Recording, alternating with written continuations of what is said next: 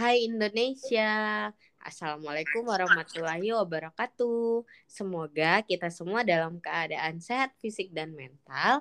Semoga manuskrip Puan kali ini dapat termaknai dengan utuh dan dapat dijadikan pembelajaran untuk kita. Enjoy it and let's discuss. Asik. Aduh. Asik ya. Apanya nih yang asik? Guys? Siniar puan dong. Asik. Kok asik juga sih? Apa sih? Oke, jadi seperti yang sudah-sudah, eh kok yang sudah-sudah, dua minggu lalu Mm-mm. eh, kita berencana untuk membahas tentang perkembangan kepribadiannya Erik Erikson. Betul. Tapi, Tapi gimana tuh? tapi ternyata untuk pembahasan perkembangan kepribadian cukup banyak. jadi, Benar. Ah, eh, jadi ini tuh eh semacam partuan gitu ya. Pengantar, pengantar. Oh, pengantar. Iya ya, benar. Istilahnya bukan partuan tapi pengantar. Baiklah, kita akan diantarkan oleh pemateri Anissa menuju Pemateri enggak tuh? Oke. Iya kan? Kan kalau saya sebutannya host, berarti eh, ibu sebutannya pemateri dong. Oke, oke, oke. Jadi Eh, kalau diantar ke mana nih kita? ke rumah. Hah? Ke pelaminan? Eh, Eh, gimana gimana? Jadi kalau eh, kita eh, kemarin aku menjanjikan bahas perkembangan kepribadian, tapi ternyata Mm-mm. sebelum kita itu masuk ke perkembangan kepribadiannya Erikson, maksudnya Mhm. perkembangan kepribadian versi Erikson gitu. Masa Mhm. kita anuin perkembangan kepribadiannya Erikson kan? Iya benar.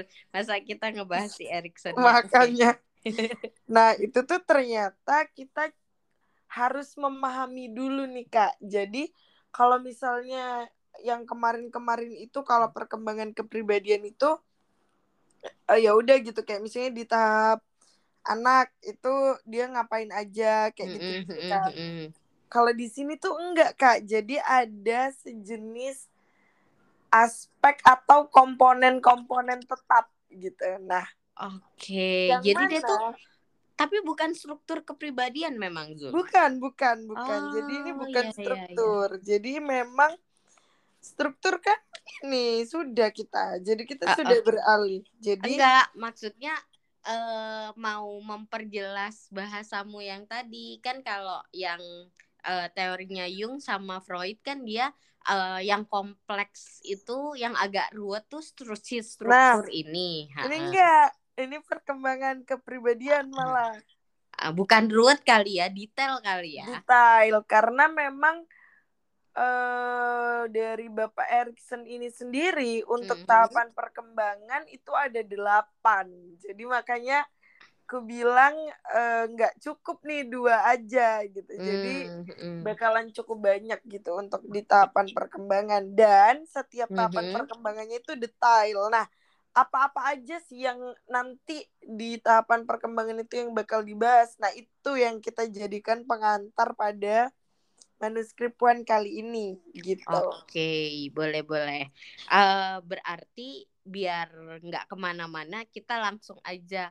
eh apa sih poin dasar atau apa yang mau diantarkan untuk Oke. kita tahu tahapannya? Ya. Jadi yang pertama di sini itu ada yang namanya prinsip epigenetik. Entah bacanya epigenetik apa epigenetik ya. Hmm, Nah, jadi yang mana epigenetik ini di situ tuh dijelasin bahwasannya perkembangan itu dari tahap ke tahap itu eh Mhm. dia itu berkembang dari organ-organ embrio. Jadi organ embrio. maksudnya itu maksudnya organ embrio ini memang dari dasar bentuk dasar manusia gitu loh Kak. Jadi dari Oh, embrio Oke. kayak gitu-gitu loh. Nah, jadi yang mana dimulai dari perwujudannya itu ya berupa embrio gitu. Terus mulailah di situ terbentuk eh, apa namanya? struktur-struktur tubuh yang lainnya gitu. Nah, Oke. terus eh kalau yang di prinsip epigenetik ini tadi, jadi uh, e uh, ego itu berkembang. Jadi kata kata Pak Erikson ini ego berkembang mengikuti prinsip epigenetik, mm-hmm. yang artinya tiap bagian dari ego berkembang pada tahap perkembangan tertentu dalam rentang waktu tertentu. Nah, jadi uh, ego ini dia nggak stuck aja gitu. Jadi sembari ada perkembangan dari epigenetik tadi dari embrio ke apa ke apa itu ada perkembangan ego juga gitu. Oke, jadi uh, intinya prinsip epigenetik ini menjelaskan uh, bagaimana tahapan perkembangannya itu gitu. Benar. Nah, terus di sini tuh dibilang gini juga sama Erikson tahap perkembangan yang satu terbentuk mm -hmm. dan dikembangkan di atas perkembangan sebelumnya. Jadi gini Kak, jadi dia itu tidak menggantikan tahap perkembangan sebelumnya, tapi uh, mereka ini kayak saling bertumbuh gitu loh. Jadi misalnya nih uh, bahasanya itu gini, jadi dia tidak menggantikan perkembangan tahap sebelumnya itu, tapi ya itu tadi ketika ada perkembangan yang satu terbentuk nah dia itu sembari jalan perkembangannya dia membentuk tahap perkembangan berikutnya gitu uh, jadi, jadi dia bukan kalau uh, nah, ke tahap perkembangan berikutnya bukan berarti tahap yang sebelumnya kelar gitu betul ya? betul jadi okay. contohnya tuh gini contohnya kalau misal ini analogi fisik di anak-anak ya anak-anak mm -mm. itu ketika dia di tahapan merangkak di situ kan dia mengembangkan potensi untuk berjalan tapi mm -mm, merangkaknya kan enggak selesai dulu tuh tapi udah mulai kayak kalau bahasanya orang Jawa sih terantanan ya. Jadi sambil uh, merangkak tuh? sambil teran terantanan tuh kayak mm, mer, uh, me, kali ini bahasanya aku kok nggak paham ya? meraba-raba kayak kan kalau jalan kan udah nggak berpegang ya maksudnya kayak udah udah lepas tuh. nah kalau terantanan ini dia merangkak semi berdiri sambil megang-megang tepian ah, gitu nah kayak aku kalau berenang ya. Ya betul betul betul okay, betul. okay. nah jadi dia tidak berhenti kayak langsung merangkak berhenti langsung berjalan gitu enggak. Tapi mm -hmm. sembari itu berproses gitu. Nah baru tuh dari merangkak dia apa namanya mengembangkan potensinya untuk berjalan. Terus kemudian dari berjalan itu berjalan juga nggak berhenti gitu aja. Tapi dari situ mengembangkan lagi untuk berlari nah kayak gitu-gitu. Oke. Okay. I see I see. Jadi ketika misalnya dia itu udah di tahapan berikutnya kak dia itu tetap menguasai tetap menguasai dan tetap bisa ngelakuin perkembangan-perkembangan yang sebelumnya gitu. Jadi mm, ini tuh bukan perkembangan yang ya terlewati begitu aja gitu, tapi tetap bisa berjalan dan tetap bisa berkembang gitu. Oke, okay, I see, I see. I get the point.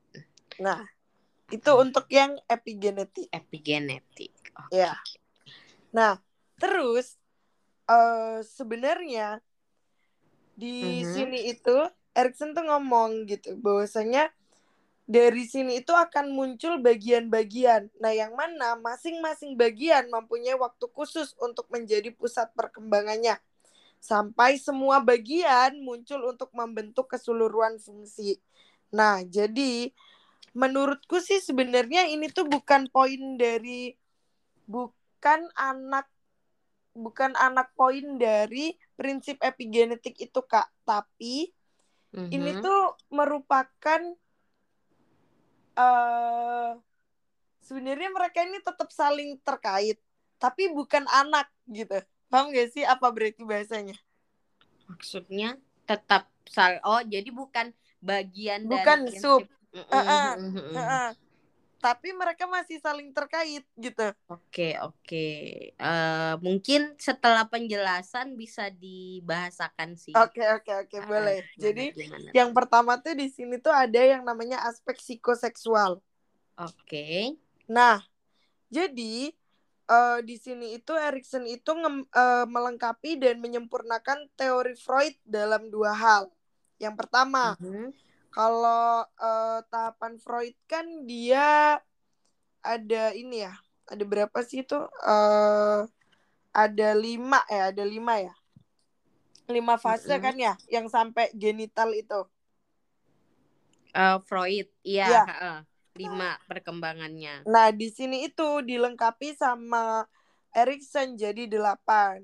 Nah delapan itu ada apa aja sih? Yang pertama itu bayi atau infansi anak hmm. atau early childhood atau uh, terus bermain atau play age, sekolah atau school age, remaja, adolescence, dewasa awal, young adulthood, sama dewasa, adulthood dan tua gitu. Jadi di situ yang pertama yang dilengkapi untuk aspek psikoseksual ini jadi delapan tahap perkembangan itu. Nah, untuk apa-apanya itu yang akan kita bahas di minggu depan gitu. Jadi kayak Bayi itu gimana, apa itu gimana gitu. Nah, makanya kita lanjut dulu nih ke mm -mm. ke poin-poinnya apa aja yang tadi udah aku bilang gitu. Nah, terus uh, itu yang pertama ya, itu yang aspek psikososial yang dikembangin kan ada dua. Yang pertama yang tadi, terus yang kedua Mm-hmm. Jadi uh, dari teorinya Erikson ini, Erikson memakai analisis konflik untuk mendeskripsikan perkembangan kepribadian.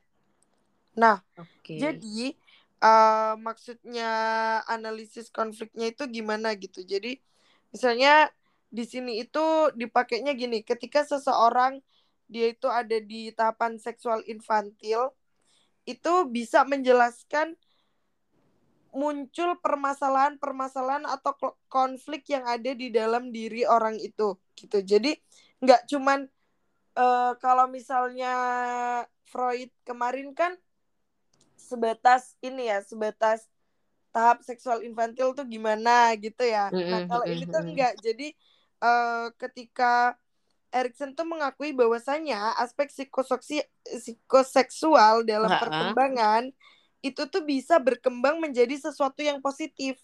Jadi nggak cuman nggak cuman analisa konflik aja, tapi dia juga bisa mengembangkan sesuatu yang sifatnya positif. Atau okay. biasa itu disebut aktualisasi seksual yang dapat diterima. Nah, okay. kalau misalnya yang kemarin-kemarin kalau ini enggak sih, siapa sih kemarin Jung? Mm -hmm. Jung enggak. Nah, tapi ini kan karena memang di situ dijelasinnya ngembangin Freud ya. Mm -hmm. Kalau Freud kan kayak misalnya uh, apa namanya ketika di tahapan oral itu gimana ya emang fokusnya di situ aja gitu nah tapi kalau Erikson ini selain digunakan untuk analisa apa namanya analisa konflik An tadi uh -uh. Uh -uh, di sini tuh juga yaitu tadi menurut dia ketika uh, aspek psikoseksual itu berkembang dengan baik yang delapan tahapan itu tadi Nah, itu bisa menu, me, me, me, me, menuntun dia untuk berkembang secara positif dalam proses aktualisasi seksual yang dapat diterima di lingkungan gitu. Tapi hmm. yang konflik tadi itu yang dibilang konflik itu berarti aktualisasi ekspresi seksual yang tidak diterima gitu. Jadi Hmm. Uh, kenapa tadi uh, muncul istilah bisa digunakan untuk analisa konflik juga? Nah, konfliknya itu di situ gitu. Oh. Karena dia bisa muncul dua itu tadi gitu, Kak. Oh, jadi sebenarnya uh, itu bahasa uh, dia menjelaskan problem di tahapan perkembangan gitu Benar, gak? benar, ah. benar, benar.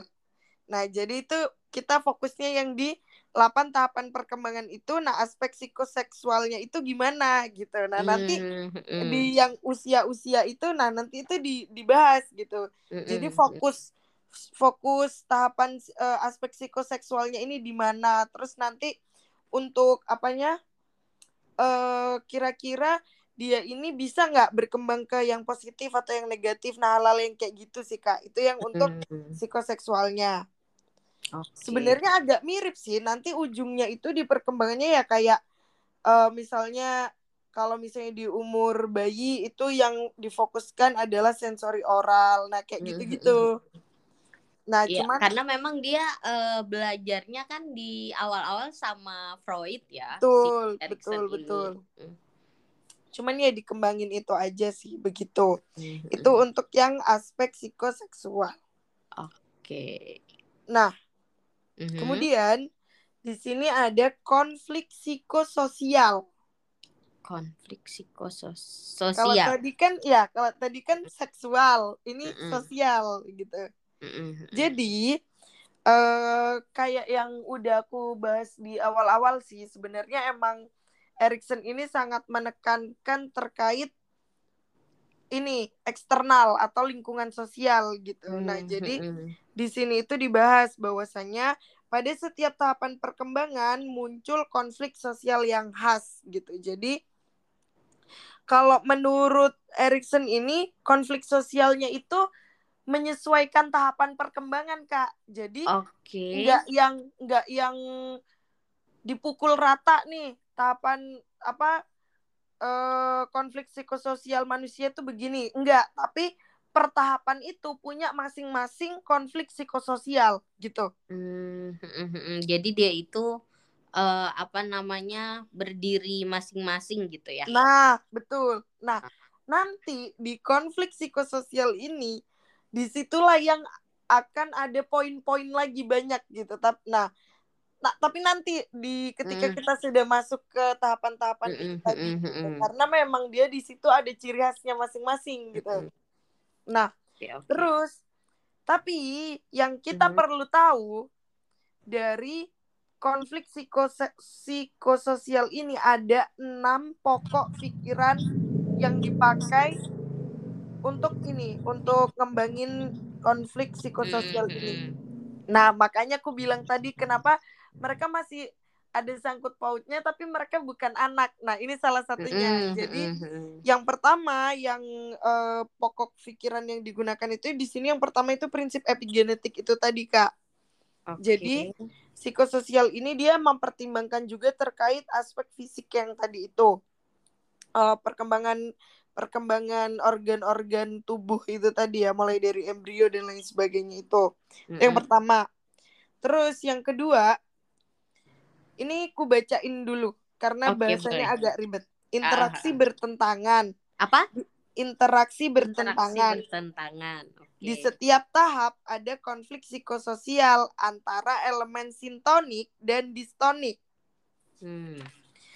Kedua elemen itu adalah elemen yang dibutuhkan oleh kepribadian. Nah, jadi eh, di untuk yang interaksi bertentangan ini itu, kenapa kok dia itu bisa bertentangan? Karena istilahnya mereka ini elemennya itu kayak baterai gitu. Mereka itu positif dan negatif gitu. Nah, untuk sintonik ini biasa disebut dengan harmonius atau sesuatu yang harmonis atau sesuatu yang berkutatnya dengan hal-hal yang positif gitu. Nah, Oke. sedangkan distonik itu dia tuh destruktif atau mm, lebih ke arah hal-hal yang negatif gitu. Nah, tapi Mhm. meskipun mereka ini bertentangan, menurut Erikson di tahapan tugas perkembangan seseorang itu dia tidak menghilangkan sisi distonik itu tadi. Tapi tugas kepribadian yang ideal adalah membuat kedua elemen itu menjadi seimbang. Nah, jatuhnya kayak baterai yang kataku tadi. Ketika Oke. baterai itu seimbang kan akhirnya dia jadi positif tuh. Ah, ah, Bisa jadi dipakai. ada aliran. Hmm. Nah, betul. Kayak bisa dipakai apa, remote apa dan lain Mm. sebagainya gitu. Nah, jadi idealnya itu di situ gitu. Mm. Itu boleh nggak sih Zul? Aku tuh bilang gini, eh, menganalogikannya maksudnya. Gimana tuh? Eh, manusia itu memang kak dia bakalan jadi manusiawi kalau dia punya plus minus gitu. Kalau cuma plus aja terus menghilangkan minusnya dia nggak manusiawi gitu. Benar, benar, Ah. benar, benar. Sepakat, Oke, sepakat. Oke, Oke, sip, sip, sip. Lanjut. Itu itu yang kedua ya. Kita ke Mm-mm. yang ketiga. Oke. Nah, yang ketiga itu ada kekuatan ego. Oke. Nah, jadi kekuatan ego itu konflik psikososial di setiap tahap hasilnya akan mempengaruhi atau mengembangkan ego. Nah, jadi di sini tuh dijelasin kalaunya dari sisi jenis sifat yang dikembangkan kemenangan aspek sintonik. Nah, ini balik ke yang tadi lagi. Oke, ha, Kemenangan berkaitan. aspek sintonik eh, akan memberi ego yang sifatnya baik atau disebut virtu. Virtu Hmm, itu nah. hmm, hmm, Iya, iya, Nah. iya, iya, iya. Nah, jadi eh sebenarnya kan harusnya seimbang nih yang tadi ya Mm-mm. di atasnya. Tapi Mm. di sini itu dibilang kalau misalnya dia itu sintoniknya yang dominan, dia itu akan membentuk ego yang sifatnya baik atau bernilai gitu. Jadi Oke. gitu. Nah, ya sama halnya kayak yang kata Kak Iva tadi. Sebenarnya kan manusia idealnya punya sisi positif dan negatif. Tapi Mm. kan akan lebih baik ketika sisi positifnya lebih banyak gitu. Oke. Dan ternyata eh sisi positif yang lebih banyak itu penunjangnya adalah kekuatan ego ya. Betul. Oke, oke, Ini baiklah. ini versinya Erikson gitu. Oke. Nah, terus dari Virtu itu tadi dia itu akan meningkatkan kuantitas ego dan kekuatan ego untuk mengatasi konflik. Nah, Oke, oke. jadi uh, problem solvingnya si eh siapa namanya ego ini Virtu itu tadi gitu. Hmm, hmm, hmm, hmm. Eh, Zul, Ya. aku eh, ini aku belum tahu ya. Kar maksudnya ini ini bukan nanya sih. Ini bukan pertanyaan, ini statement. Cuman aku belum tahu kebenarannya. Gimana ya modelnya? Jadi gini, eh Virtu itu aku pertama kali dengar istilah itu di karakter strength, psikologi positif tapi. Hmm, hmm, hmm, hmm. Hmm. Eh, jadi awal eh, begitu Nuzul ngomong virtu tadi, aku tahu oh eh, itu pasti kekuatan gitu. Hmm, hmm, Cuma hmm. eh, yang kubayangkan eh, apakah eh, ini ini lebih ke statement pertanyaan buat diri sendiri sih karena aku belum tahu belum baca lebih lanjut. Apakah Oke. memang eh, prinsip-prinsip karakter strength itu Hmm, hmm. mengambil dari teorinya Erikson gitu. Bisa jadi karena di itu. sini itu Kak dijelasin gini. Nah, sehingga virtu ini disebut sebagai kekuatan dasar manusia atau basic Oke. strength gitu. Nah, kan oke. Eh, nanti itu PR pribadi kekepoan diri. Oke, oke, oke. Nanti Oke, boleh lanjut, ku bantu lanjut. kok untuk menuntaskan kekepoan itu. Nah, begitu. Jadi itu tadi terkait virtu tadi ya. Mm, mm, mm. Nah, nanti ini virtu ini bakal ada poinnya sendiri juga tuh di masing-masing fasenya. Wah, menarik banget. Nah, makanya ini ku bahas satu-satu karena eh ya itu Erikson tuh nggak sesingkat itu gitu terkait fase-fase baik, baik. perkembangannya gitu. Tidak sesederhana yang di buku santrok ya. Iya betul, betul. Oke, Terus. lanjut lanjut.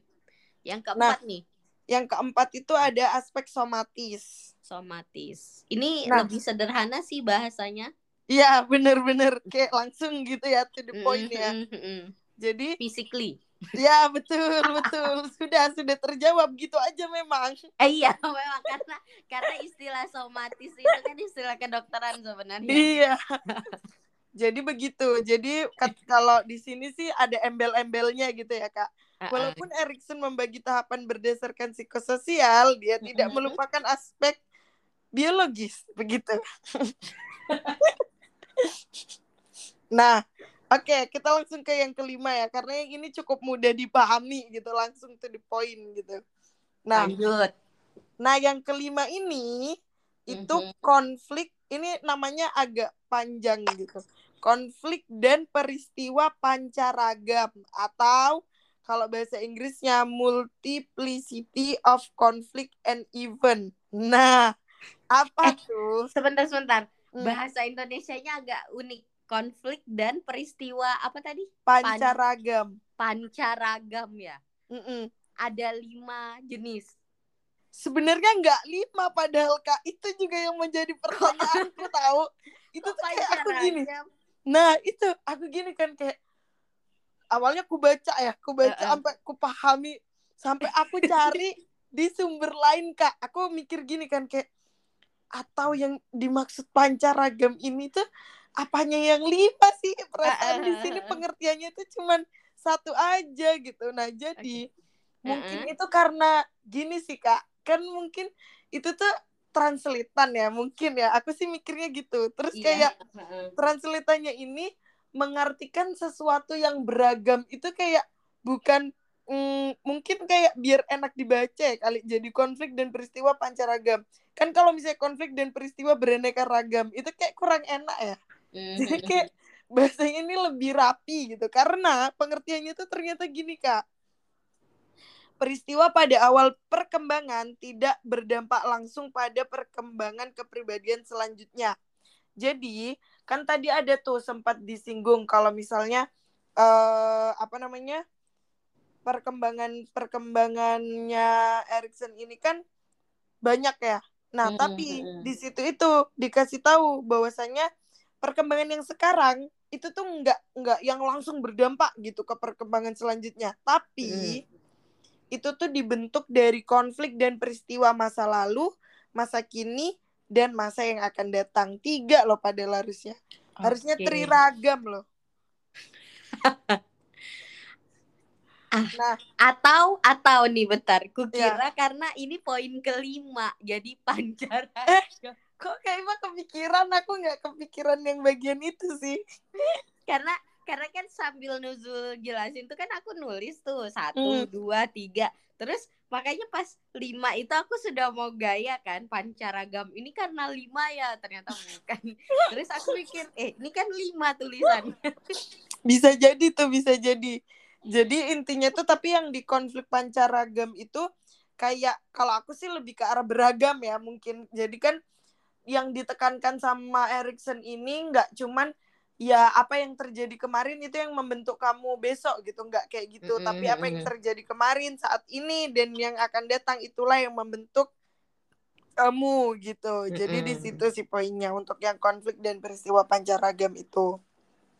Terus yang terakhir tapi belum poinnya masih ada satu lagi mm-hmm. nah yang terakhir itu yang keenam itu di setiap tahapan perkembangan ini nggak ada namanya kak kayak yang okay. lain. Oke, padahal udah mau siap-siap nulis. Aku tahu sih, jadi makanya, jadi makanya aku kasih tahu dulu. di setiap tahapan perkembangan, khususnya dari masa adolescence dan sesudahnya, perkembangan kepribadian itu ditandai dengan adanya krisis identitas gitu. Nah, sebenarnya sih aku berpikiran titik poinnya itu krisis identitas itu, tapi sama kenapa, apa? Sama. Nah, kan? Tapi kenapa hmm. di sini dia nggak dijadikan poin kayak yang lain eh bu, bukan poin, nggak dijadikan judul langsung kayak yang lain gitu karena -hmm. titiknya yang di garis bawah itu dia cuman dari masa adolescence, Kak. Jadi ah. kayak istilahnya tuh kurang yang nggak yang uh, buat semuanya gitu jadi mm -hmm. makanya dia ditulisnya begitu gitu sih kurang okay. lebih tahu nggak Zul In, aku mau intermezzo boleh jadi setel apa pas Nuzul ngomong yang keenam terus Nuzul mm -hmm. kan baca tuh tadi mm -hmm. di setiap tahap perkembangan gitu kan ya mm -hmm. itu tuh aku langsung di setiap ada kamu astaga betul betul Saiful Jamil memang Oke, jadi begitu. Oke. Baiklah, berarti uh, enam prinsip ini sorry mm -hmm. kecuali yang keenam. Lima mm -hmm. prinsip ini dalam setiap tahap perkembangan itu kita uh, menggunakannya. Betul. Uh, betul nah, banget. yang keenam ini baru muncul di remaja. Tapi tapi kak tapi ini uh -huh. ada tapinya. Itu tuh nggak semua gitu. Jadi ah, jadi tuh, tuh? jadi bukan yang ke enam enamnya itu. Tapi mm-hmm. Sebenarnya malah yang ditekankan itu virtunya itu tadi kak. Tapi ah. yang lain-lain ini itu kan di konflik psikososial. Jadi uh, poinnya tuh gini. Prinsip eh kris, uh, prinsip psikososial terus virtu. Nah baru udah gitu aja. Jadi yang ditekankan itu sebenarnya di virtunya itu tadi. Karena kan dia dibilang tuh basic strength-nya manusia tuh ya di virtu itu tadi tapi okay. kenapa sih keenamnya ini tetap aku bacain? Karena itu kan yang menjadi prinsip di konflik psikososialnya. Jadi okay, harapanku tuh ketika kita tahu prinsip psikososialnya itu begini oh karena berarti ini dari aspek somatisnya atau Mhm, oh ini tuh dari ini loh peristiwa pancaragamnya gitu. Jadi kita tuh ndak yang miss lah kok beda? Kok prinsip psikososial yang ini kok gini kok yang ini gini sedangkan di situ ada enam tuh prinsipnya gitu jadi jadi biar nggak miss aja sih gitu kan Oke, I see, I see. Jadi memang eh, apa ya ibaratnya kayak kita nih perlu tahu dasarnya dulu deh gitu. betul Oke, I see, I see. Oke, eh, berarti eh sudah nih, cuma Belum itu dong. aja. Oh, Belum. ada lagi nih. Kalau di catatan ada sih memang poinnya. Sok-sokan aja aku nanya. di gitu Enggak, banget ya maksudnya kan ini nih kita tadi udah bilang ini nih adalah enam pokok poin nih. Ini adalah enam poin nih yang harus di. oh yang Ah, enam ah. udah selesai Ah, gitu ah. Nah, kita Oke. ke eh ini tuh masih jadi ini masih di poin yang kalau kalau di sini tuh ya, Mhm. poinnya itu yang mereka itu satu kesatuan itu malah yang itu tadi aspek psikoseksual, konflik psikososial sama yang C ini adalah ritualisasi versus ritualisme. Jadi justru yang prinsip epigenetik ini yang berdiri sendiri, dia ndak nyambung ABC sama teman-temannya itu tadi. Tapi menurutku ketiga ini juga bukan anak dari prinsip epigenetik gitu. Oke, oke. Nah, oke kita langsung aja kali ya. Nggak penting lah ya. Maksudnya itu yang penting kita udah clear itu per itunya itu apa gitu. Maksudnya untuk Mhm, pembagian mhm, ini mhm, mereka gimana nggak masalah lah ya. Yang penting kita udah ngerti yang di dalam-dalamnya. Oke, kita mhm. ke ritualisasi versus ritualisme. Tahu nggak Oke. sih Kak, awal aku baca itu kan ini sebenarnya udah aku baca dari waktu itu ya. Maksudnya yang Mhm, harusnya minggu lalu ya. Nah terus Hmm. waktu aku baca pertama itu kayak hah ritualisasi terus otakku tuh langsung yang kayak ke arah hal-hal yang ritual-ritual gitu-gitu loh kayak oh ternyata Oke.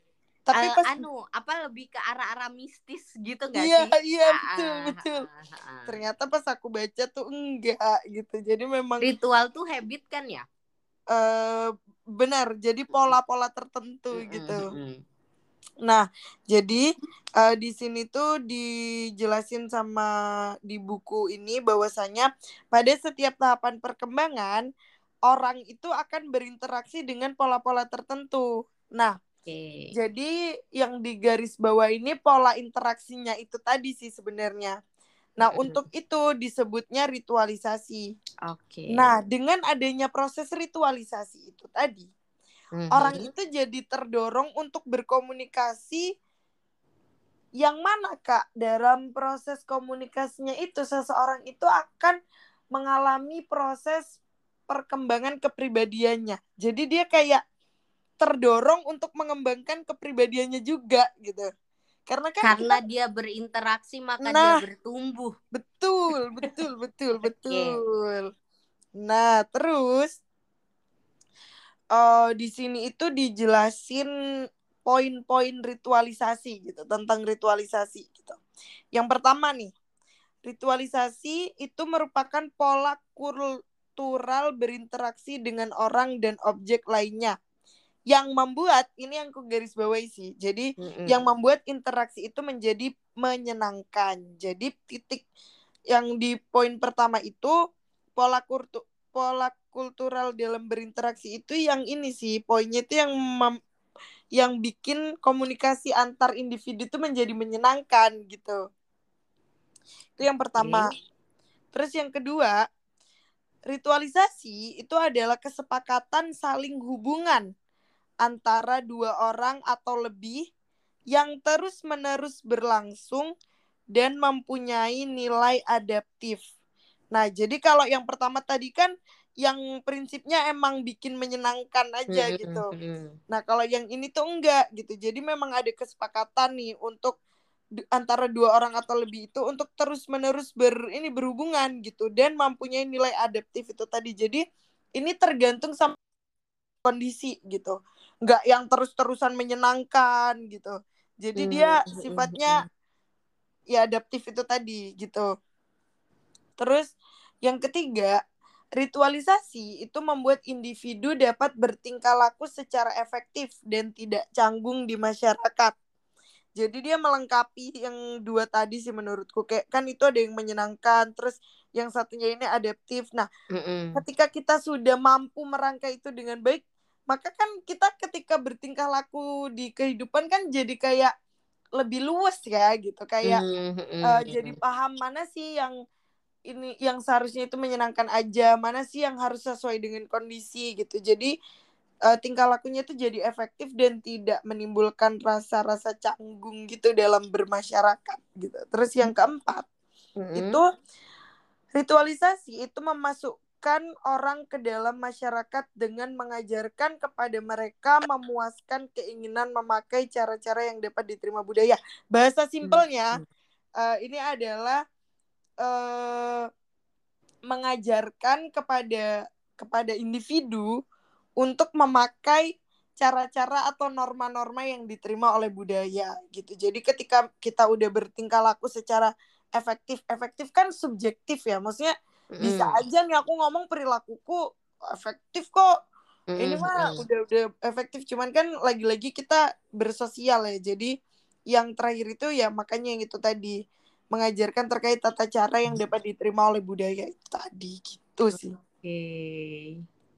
Nah, mengajarkan tata cara ya maksudku eh, modelnya itu em, di apa namanya eh, dengan ritualisasi itu tuh ritualisasi itu dari eksternal apa internal sih menurutku Kak, Heeh. sebenarnya ritualisasi ini dia itu bisa dari keduanya gitu. Karena Oke. kenapa kok aku bilang dari keduanya? Karena kan eh di sini emang sih poinnya sebenarnya interaksi interaksi terus kan kayak antara individu Mm-mm. dengan individu. Tapi kan Mm. yang terbentuk dari awalnya itu eh misalnya nih tata aturan nih emang dari eksternal sifatnya, tapi kan yang menginternalisasi dan yang menerapkan tuh dirinya sendiri gitu.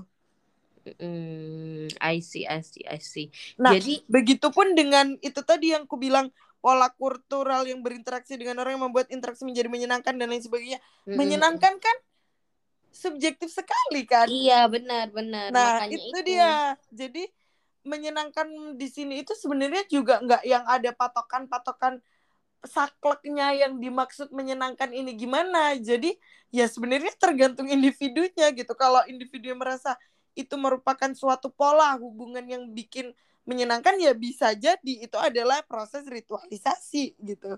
I see. Nah, jadi Kak, di sini tuh kayak ada kesimpulan yang sangat singkat sih. Intinya Mhm. ritualisasi itu pola hubungan sosial yang positif gitu. Oke. Nah, sebaliknya barulah ritualisme. Jadi kan tadi judulnya ritualisasi Versus. versus, Mm-mm. ya itu. Nah, jadi makanya di situ dibilangnya ritualisasi itu ya pola hubungan sosial yang positif gitu. Nah, sebaliknya eh, ketika dia negatif akan menjadi ritualisme. Nah, gimana sih? Ntar. Jadi ketika seseorang itu mengalami proses perkembangan, akan muncul ritualisasi baru dan ritualisme baru. Jadi dua-duanya sebenarnya yang muncul gitu. Nah, keduanya itu munculnya itu bersamaan dengan kekuatan dasar ya virtu itu tadi yang diperoleh dari konflik psikososial. Nah, yang mana dari ritualisasi sama ritualism ini tadi, dia itu yang akan membentuk keyakinan seseorang. Enggak keyakinan aja. Jadi yang akan terbentuk dari ritualisasi dan ritualism ini, itu yang pertama ada keyakinan, ada latar belakang, dan ada pola tingkah laku yang tidak mudah berubah-ubah di masa de masa depan.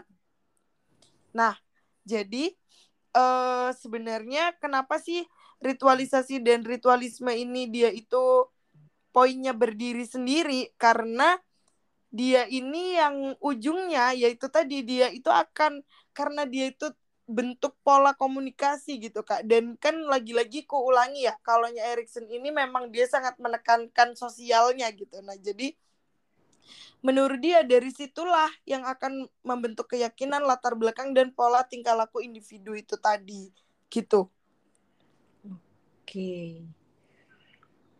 nah Sebenarnya aku agak pusing sih. bentar kita ke ciri-ciri ritualism dulu mungkin ya Oh, ada ciri-cirinya Ada tuh. kok, Eh, ada. mungkin Jadi nggak cuma mudah ya aja. dimengerti. Iya. Jadi ciri-ciri ritualism ini yang pertama, perhatian orang dalam ritualism cenderung terfokus pada dirinya sendiri. Nah, kalau Oke. yang ritualisasi tadi kan dia emang sosial banget lah ya. Jadi dia mempertimbangkan lingkungannya gitu. Yang mana ketika dia terfokus pada dirinya sendiri, orang akan menjadi lebih peduli dengan performa dirinya sendiri daripada memperdulikan hubungannya dengan orang lain. Mhm. Begitu. Nah, itu yang pertama. Yang kedua, sifatnya tidak menyenangkan. Nah, Oke. ri- kalau ritualisasi kan dia terbentuk pola kultural ya, Kak. Nah, ritualism ini juga terbentuk secara kultural. Tapi ketika Mhm. dia itu sudah terbentuk, outputnya adalah perilaku abnormal atau menyimpang atau aneh. Kalau yang tadi kan Oke. pola kulturalnya menjadi menyenangkan tuh. Nah, ini Mm-mm, mm-mm, enggak mm-mm. begitu. kayak freak gitu nggak sih? Betul. Iya, oke oke oke. Nah, baru tuh ciri yang ketiga, ritualism itu sering melibatkan orang lain. Tapi Mhm. eh, orang yang didominasi sama ritualismnya ini tidak dapat berinteraksi dengan orang lain dalam cara saling mendapat kepuasan. Jadi ya karena tujuannya keakuan ya, prinsipnya Mm-mm, prinsip mm-mm. keakuan. Jadi ya dia tidak akan bisa mendapatkan eh, tidak bisa berinteraksi dengan pola yang eh, prinsipnya sama-sama mendapat kepuasan, tapi ya Mhm. dia aja yang dapat kepuasan gitu. Mm, jadi kayak egois, selfish gitu ya? Betul, betul, Mm, betul, mm, betul. mm, mm. Jadi kurang lebih begitu sih sebenarnya. Hmm, sebentar. Ya. Eh, kalau misalkan ku analogikan awalnya itu waktu aku ngelihat ritualisasi versus ritualisme ini tanpa paham artinya ya Mm-mm. membaca doang itu tuh aku langsung gini oh kan jadi fokusku itu ke kata isasi sama ismenya Isme. Mm-mm, Heeh. mm-mm. jadi yang yang satunya itu kan kalau eh, kata satu kata ditambahin isasi itu kan dia akan membentuk apa namanya eh, keterangan gitu Mm-mm. menerangkan kata tersebut gitu sementara kalau isme itu kan dia berarti ini eh, berbentuk aliran gitu. Aliran, betul. Eh, kalau dari apa namanya pembedahan makna kata kan begitu. Jadi Mm-mm. awalnya aku mikir apakah ini satu bentuk eh, penjelasan aktivitas keseharian, kegiatan kegiatan yang sering dilakukan yang kemudian eh, itu ya yang isasi sama ismenya gitu.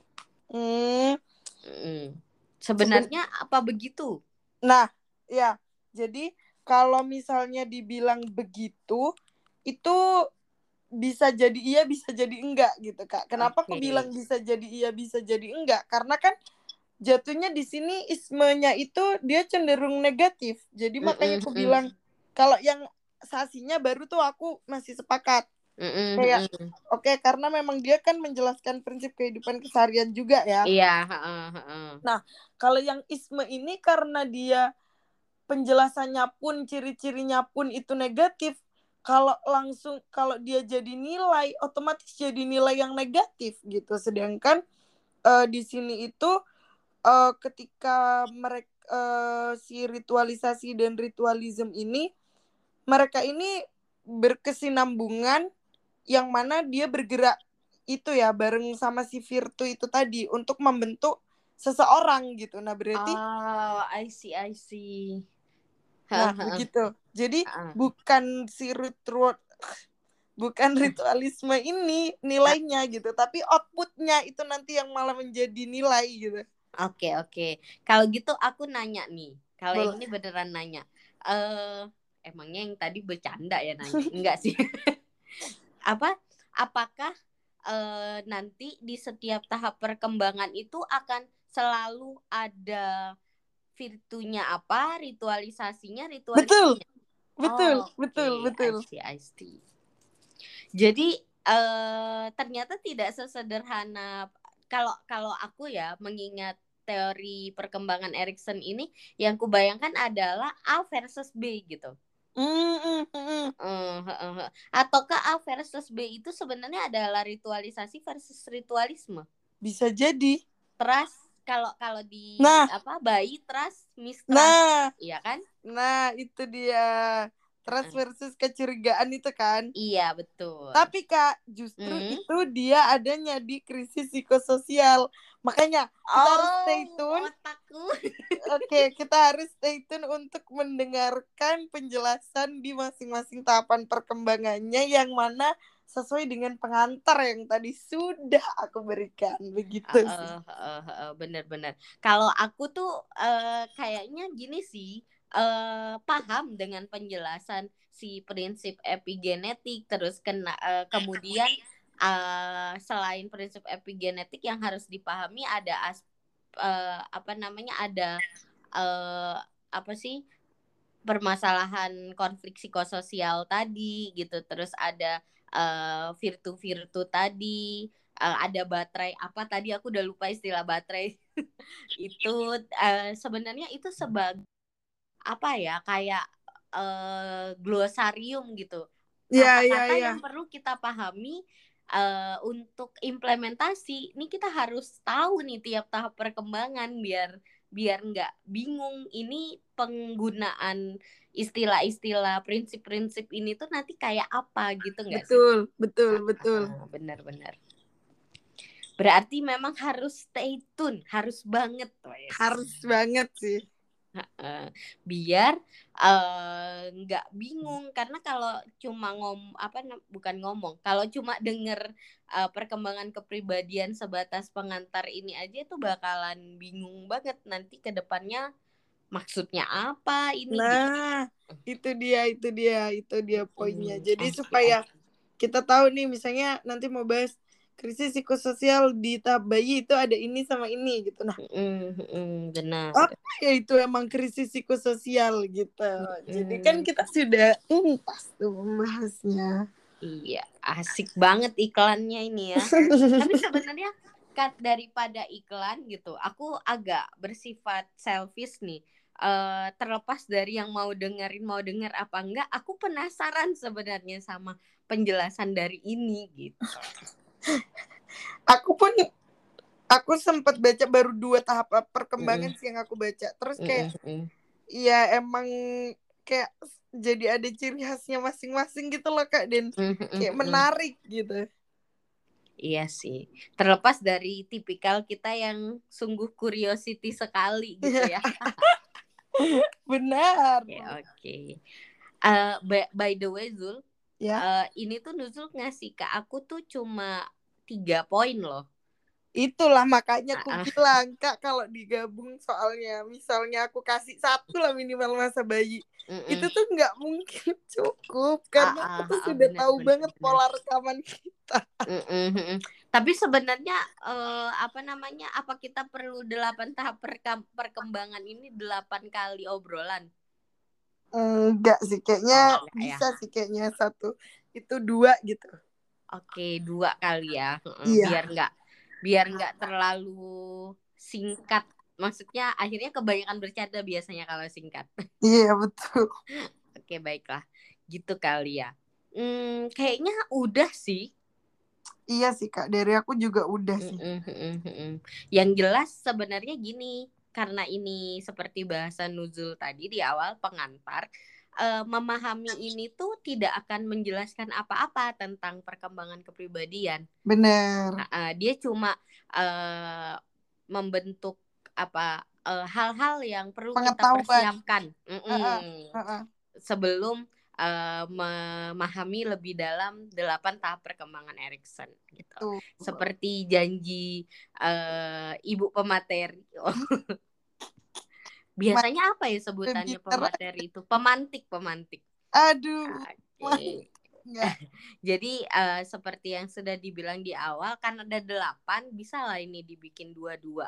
Kalau saya pribadi biar kita lebih banyak ngobrolin contoh-contoh yang uh, hari ini gitu contoh-contoh yang hari ini mm -mm. jadi bahasanya sederhana nggak cuma harapannya sih nggak cuma menyajikan dari uh, contoh buku aja jadi kita Bener. bisa obrolkan lagi nih apa-apa aja biar uh, teman-teman yang dengerin jadi ngerasa relate ke aku banget nih gitu. Benar, benar, benar, benar. Oke, oke. Baiklah, begitu. Jadi sudah nih. Sudah dong. Oke, sudah. Berarti uh, tetap stay tune di Siniar Puan. Saya tidak menyimpulkan karena pengantar ini tak bisa disimpulkan. Terima kasih Nuzul. Terima kasih Kak Iva. Oke, kita akhiri. Wassalamualaikum warahmatullahi wabarakatuh.